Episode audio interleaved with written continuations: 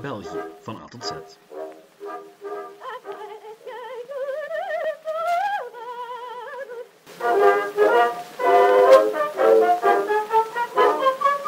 Welkom bij België van A tot Z. En welkom bij letter M. M voor migratie. Een al lang aangekondigde aflevering, maar waarschijnlijk niet diegene die u verwacht. Want vandaag ga ik het niet hebben over Turken, Bulgaren of andere groepen die relatief recent naar België gekomen zijn. Nee. Vandaag wil ik het hebben over alle migratie van en naar het grondgebied van het huidige België. Tot ongeveer de Tweede Wereldoorlog en dat door de eeuwen heen. Want migratie, dat is van alle tijden. Van de Neandertalers in 500.000 voor Christus tot de pas aangekomen. Welkom bij België van A tot Z. Migratie is een breed begrip dat we in het dagelijks leven nogal nauw gebruiken. We hebben het dan vooral over vreemdelingen en Belgen. Begrijpelijk, maar het gaat eigenlijk voorbij aan een simpele waarheid. In oorsprong komt niemand van hier. Onze voorouders komen van elders. Het is slechts een kwestie van hoe ver je in de tijd wilt teruggaan. Niet dat deze aflevering volledig overzicht is, dat kan ook niet, maar het is wel een korte schets van de indrukwekkende opeenvolging van volkeren die dit stukje Europa thuis genoemd hebben. Beginnen doen we bij het begin en eindigen doen we vandaag. Wel, de Tweede Wereldoorlog. Maar in het grote tijdskader dat ik ga schetsen, is dat min of meer vandaag. Goed, terug naar het begin. Ooit Ooit woonde hier niemand. Toch geen mensen in elk geval. Vanaf wanneer onze streek bewoond werd, ja, dat hangt een beetje af van je definities. Rond 500.000 voor Christus kwamen immers al de eerste Neandertalers aanwaaien, al was hun aanwezigheid heel erg afhankelijk van het klimaat. En dat mag je wel redelijk letterlijk nemen. Tijdens de ijstijden was de hele regio zowat onbewoonbaar. Maar telkens de temperatuur weer de hoogte ingingen, kwamen de primitieve stammen terug. De eerste Homo sapiens, ja, die kwamen pas veel en veel later, rond 40.000 voor Christus. Wat dus betekende dat onze regio veel langer bewoond is geweest door Neandertalers dan door onze eigen soort. Of hoe alles echt wel heel relatief is. 10.000 jaar lang leefden beide soorten zij aan zij, tot de Neandertalers uitstierven. En die eerste stammen, zowel Neandertalers als Homo sapiens, die leefden honderdduizenden jaren lang op exact dezelfde manier als jager-verzamelaars. Dat veranderde pas rond 4000 voor Christus, die met de grootste uitvinding in de geschiedenis van de mensheid deed: de landbouw. En met het einde van de laatste ijstijd kon men zich op één bepaalde plaats vestigen. En met de introductie van landbouw konden er zich ook culturen gaan ontwikkelen. Culturen die, als ze succesvol waren, zich verspreiden over de rest van het continent. Door handel, door acculturatie, maar ook door migratie. Fast forward naar de ijzertijd toen de Kelten zich onze streek vestigden. En in heel wat andere streken ook trouwens. Van Brittannië tot Anatolië. Als een streeknaam met wal of gal begint, dan mag je er eigenlijk van uitgaan dat die plaats Keltische roots heeft. Wales, Wallonië, zowel het Spaans als het Poolse Galicië en nog veel en veel meer. En vanaf de 6e eeuw voor Christus bevolkten deze Kelten ook onze streek. En die in onze streek kregen de collectieve naam Belgae wat de illusie zou kunnen wekken dat het om één verenigd volk ging. Maar in de realiteit waren de Belgae een rommeltje van stammen die om de haverklap met elkaar vochten. Pas toen de Keltische hegemonie bedreigd werd, verenigden de Menapiërs, de Morini, de Nerviniërs, de Atuatuki en de Eburonen zich, om door de nieuwkomers al te eenvoudig een kopje kleiner gemaakt te worden. Die nieuwkomers waren, hoe kan het ook anders, de Romeinen. En de Romeinen, ja, die besloten te blijven wat nogal wat gevolgen had voor de Kelten. Een deel van de Keltische bevolking werd gedood, een ander tot slaaf gemaakt en nog een ander vluchtte simpelweg de Rijn over. Wat de rest probeerden zich aan te passen aan de nieuwe realiteit van de Romeinse bezetting. En daar hoorden trouwens ook enkele nieuw aangekomen Germaanse stammen bij. En heel dat mengseltje zou door de eeuwen heen de stempel Gallo-Romeins krijgen. De oorspronkelijke bevolking vermengde zich met Romeinse soldaten, immigranten van elders en het resultaat was een heel eigen samenleving, met elementen van allerlei volkeren.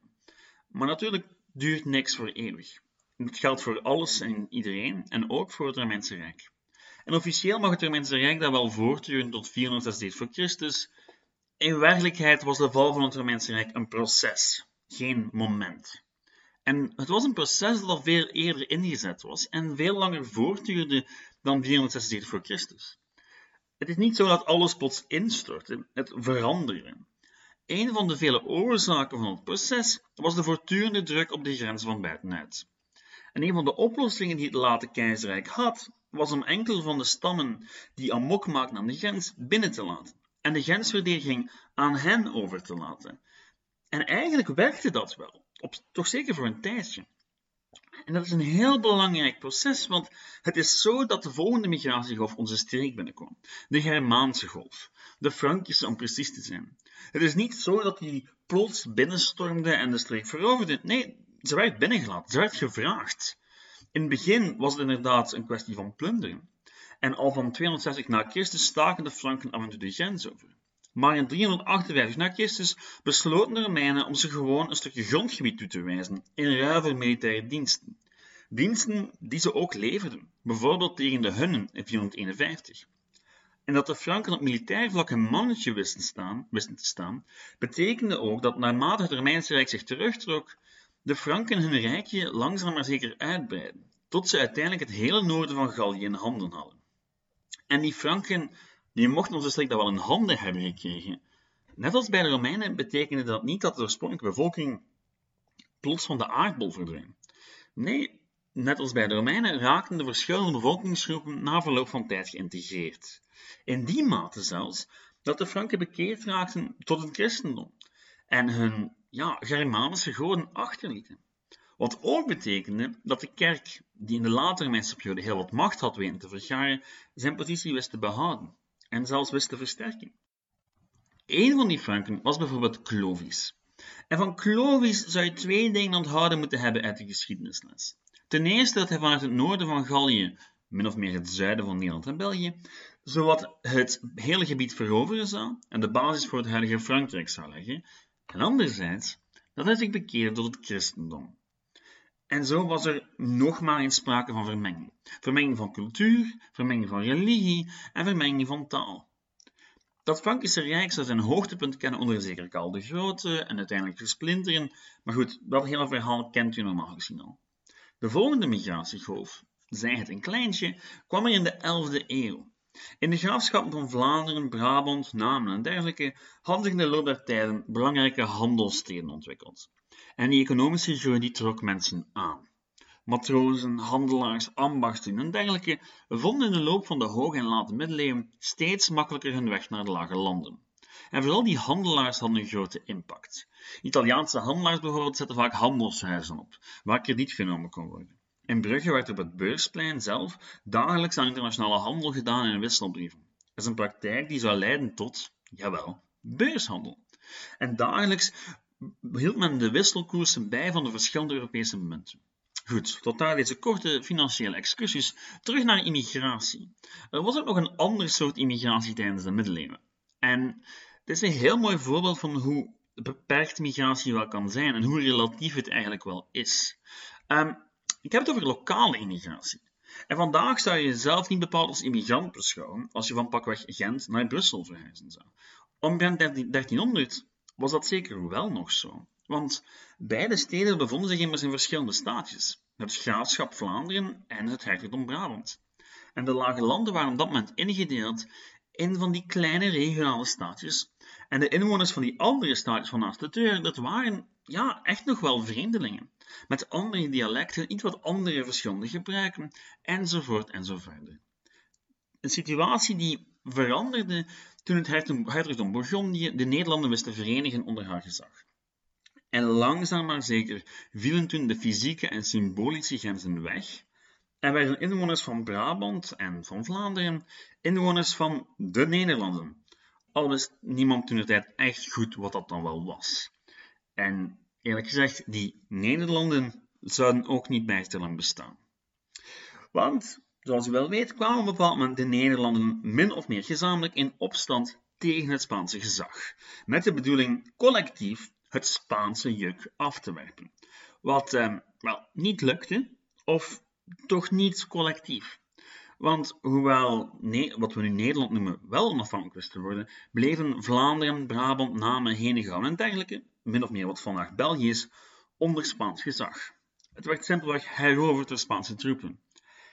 En geloof het niet, dat had een groot gevolg voor de demografie van de lage landen. Er volgde namelijk een exodus. En die was weliswaar al langer bezig, maar de opstand bracht de migratiestroom in een stroomversnelling. Toen Alva door Philips II naar de Nederlanden werd gestuurd, werd het een heleboel mensen in Antwerpen, Gent, Brussel te heet onder de voeten. Protestanten, maar ook opstandige katholieken, ja, die namen de benen naar veiliger oorden. Want het zou er niet beter op worden. Toch niet snel in elk geval. Toen de hele situatie uitmondde in een oorlog, werd die grotendeels uitgevochten hier, in de zuidelijke Nederlanden, wat velen aanzette tot vluchten. In Antwerpen bijvoorbeeld daalde de bevolking van 90.000 in 1560 tot 42.000 in 1589. Dat is een halvering. Brugge verloor ook zowat de helft van zijn inwoners en Gent verloor 20.000 in drie jaar tijd, na de val van de Calvinistische Republiek. Ja, Gent was ooit een republiek. Nu, dat zijn grote cijfers naar hedendaagse normen. Maar voor de 16e eeuw, toen de algemene bevolking veel lager was, ja, zijn ze werkelijk enorm. De bevolkingsaantallen lagen immers een stuk lager dan nu en er waren weinig gebieden in Europa die even dicht bevolkt waren als de zuidelijke Nederlanden. Maar waar gingen die vluchtelingen dan heen? Wel, in de eerste plaats naar het noorden, naar de noordelijke Nederlanden. En terwijl ze net in Duitsland verlaten hadden, bleven ze daar echt wel niet bij de pakken zitten. Het waren net vaak de meer welvarende en ondernemende, en ook protestanten, die naar het noorden trokken. En die hadden vaak wel wat kapitaal. Kapitaal dat ze gebruikten om een nieuw leven uit te bouwen. En net daardoor kreeg het noorden een grote boost, zowel op economisch als op demografisch vlak. In het Amsterdam van 1622 bijvoorbeeld was zo'n 33% van de bevolking van de Zuid-Nederlandse komaf. Voor het hele land ging het over 150.000 inwoners, zo'n 10% van de totale bevolking in de Nederlandse Republiek. Een tijd lang was er wel degelijk sprake van spanningen, maar zoals dat zo vaak gaat, gingen de nieuwkomers na verloop van tijd op in de meerderheid. Heel wat van de individuen die bepalend waren voor de Nederlandse Gouden Eeuw hadden wel degelijk wortels in het zuiden. Joost van den Vondel, Stevin, Elsevier en vele anderen. Zelfs de West-Indische Compagnie werd initieel ook door zuidelijken opgericht. Maar goed, niet alle vluchtelingen vonden een nieuwe thuis in Nederland. Anderen vonden een veilige haven in Engeland, waar de protestantse koning James I hen initieel in elk geval met open armen onthaalde. Nog anderen belanden in Duitse vorstendommen. Maar het zuiden liep niet helemaal leeg natuurlijk. Al hadden zij die vertrokken waren wel heel wat met zich meegenomen. Kapitaal, know-how en het protestantse geloof. Zij die achterbleven waren per definitie katholiek en ja, schikten zich in de Spaanse overheersing. En dat is de voornaamste reden waarom onze streek eeuwenlang zo katholiek was. Omdat al wie dat niet was in de 16e eeuw, de benen genomen had. Goed, voor de volgende grote migratiegolf is het wachten tot het einde van de 18e eeuw, toen boven onder werd en onder boven. Want de Franse revolutie zette, wel, alles op stelten. En voor de zuidelijke Nederlanden betekende het vooral dat de banden met Frankrijk stevig aangehaald werden. Al was het maar dat de hele regio geannexeerd werd en dus integraal deel uitmaakte van Napoleons keizerrijk. Zoals dat gaat als men deel uitmaakt van dezelfde staat, wordt immigratie plots een stuk eenvoudiger. En gingen heel wat mensen in Frankrijk hun geluk zoeken en vonden ook heel wat Fransen hun weg naar het noorden, al was het maar zonder van het staatsapparaat of van het bezettingsleger. Nu, die episode was slechts een inleiding, natuurlijk werd de, bezet, de Franse bezetting teruggedraaid. Maar wat België betreft was de 19e eeuw de eeuw van de emigratie en zou de 20e eeuw de eeuw van de immigratie worden. Die 19e eeuw, wel, dat werd eigenlijk een beetje een tweede exodus. Deze keer niet vanwege een oorlog, maar eerder omwille van economische opportuniteiten in het buitenland. In de tweede helft van de 19e eeuw was de Belgische economie radicaal aan het veranderen. De lokale nijverheid werd, weggedrukt door de grootschalige industrie in de steden en de landbouw werd steeds meer het terrein van grote landbouwbedrijven. De kleintjes moesten eruit. En voor velen op het platteland waren er slechts twee keuzes. Oftewel naar de steden trekken om er in de industrie te gaan werken, of elders het geluk gaan zoeken.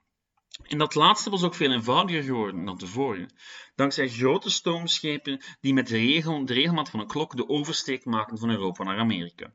Er was zelfs een rechtstreeks verbinding tussen Antwerpen en New York, dankzij de Red Star Line. En dat is een verbinding waar heel wat Europeanen in deze periode gebruik van maakten, niet enkel België. Canada was even goed een gegeerde bestemming. Niet in het minst omdat de overheid daar heel wat inspanningen deed om nieuwe kolonisten aan te trekken, in hoop haar gigantische grondgebied wat meer te gaan bevolken. Eh, zelf heb ik ook nog wat eh, verre familie wonen in Canada, waarvan de voorouders net in die periodes de oversteek gemaakt hebben. Eens aangekomen vormden de nieuwkomers initieel vaak eigen gemeenschapjes, inclusief eigen kranten zoals de Gazette van Detroit. Maar de integratie verliep redelijk vlot. En dat eigen karakter van de Vlaamse gemeenschap verdween al vlug in de grote Amerikaans-Canadese smeltpan. Anderen zochten in diezelfde periode hun geluk net ietsje dichter bij huis. Sommigen zelfs binnen de landsgrenzen. Het was in deze periode dat heel wat Vlamingen naar Wallonië gingen, een regio die toen welvarender was dan Vlaanderen. Nog anderen gingen naar Noord-Frankrijk, want in beide regio's was de mijnbouw en de nijverheid altijd vragende partij voor mankracht. Vanaf 1908, toen Congo een Belgische kolonie werd, was ook Afrika een aantrekkelijke bestemming voor velen. Opnieuw vooral uit iets wat achtergestelde regio's binnen België, zoals Limburg bijvoorbeeld. En toen, toen kwam de Eerste Wereldoorlog.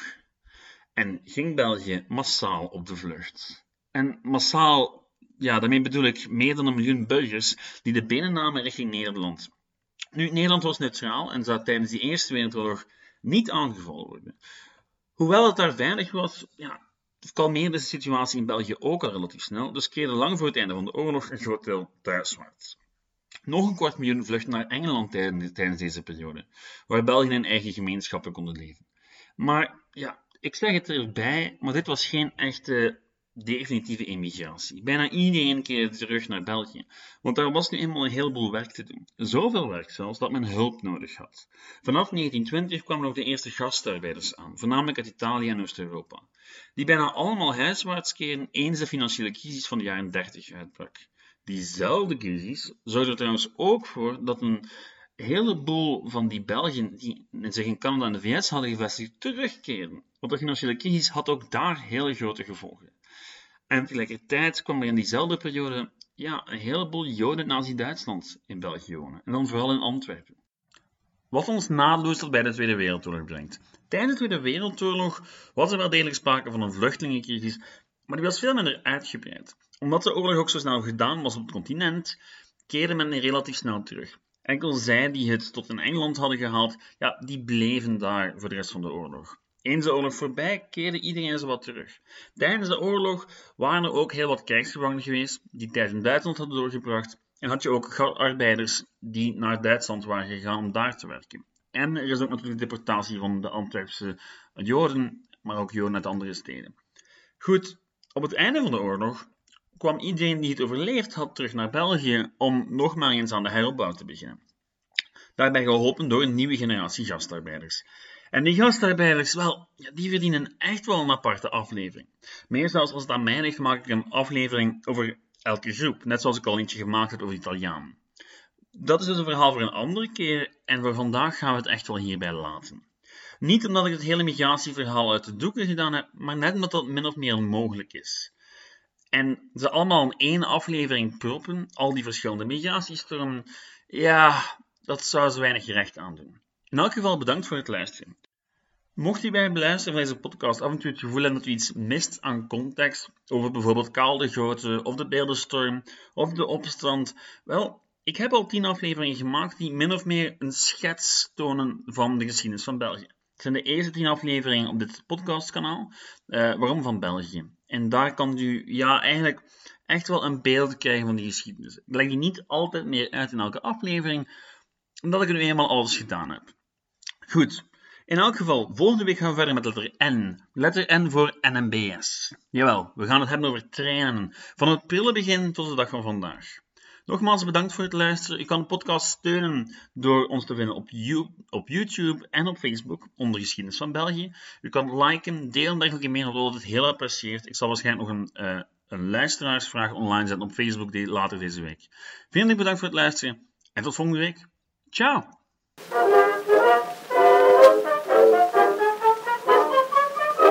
België van A tot Z.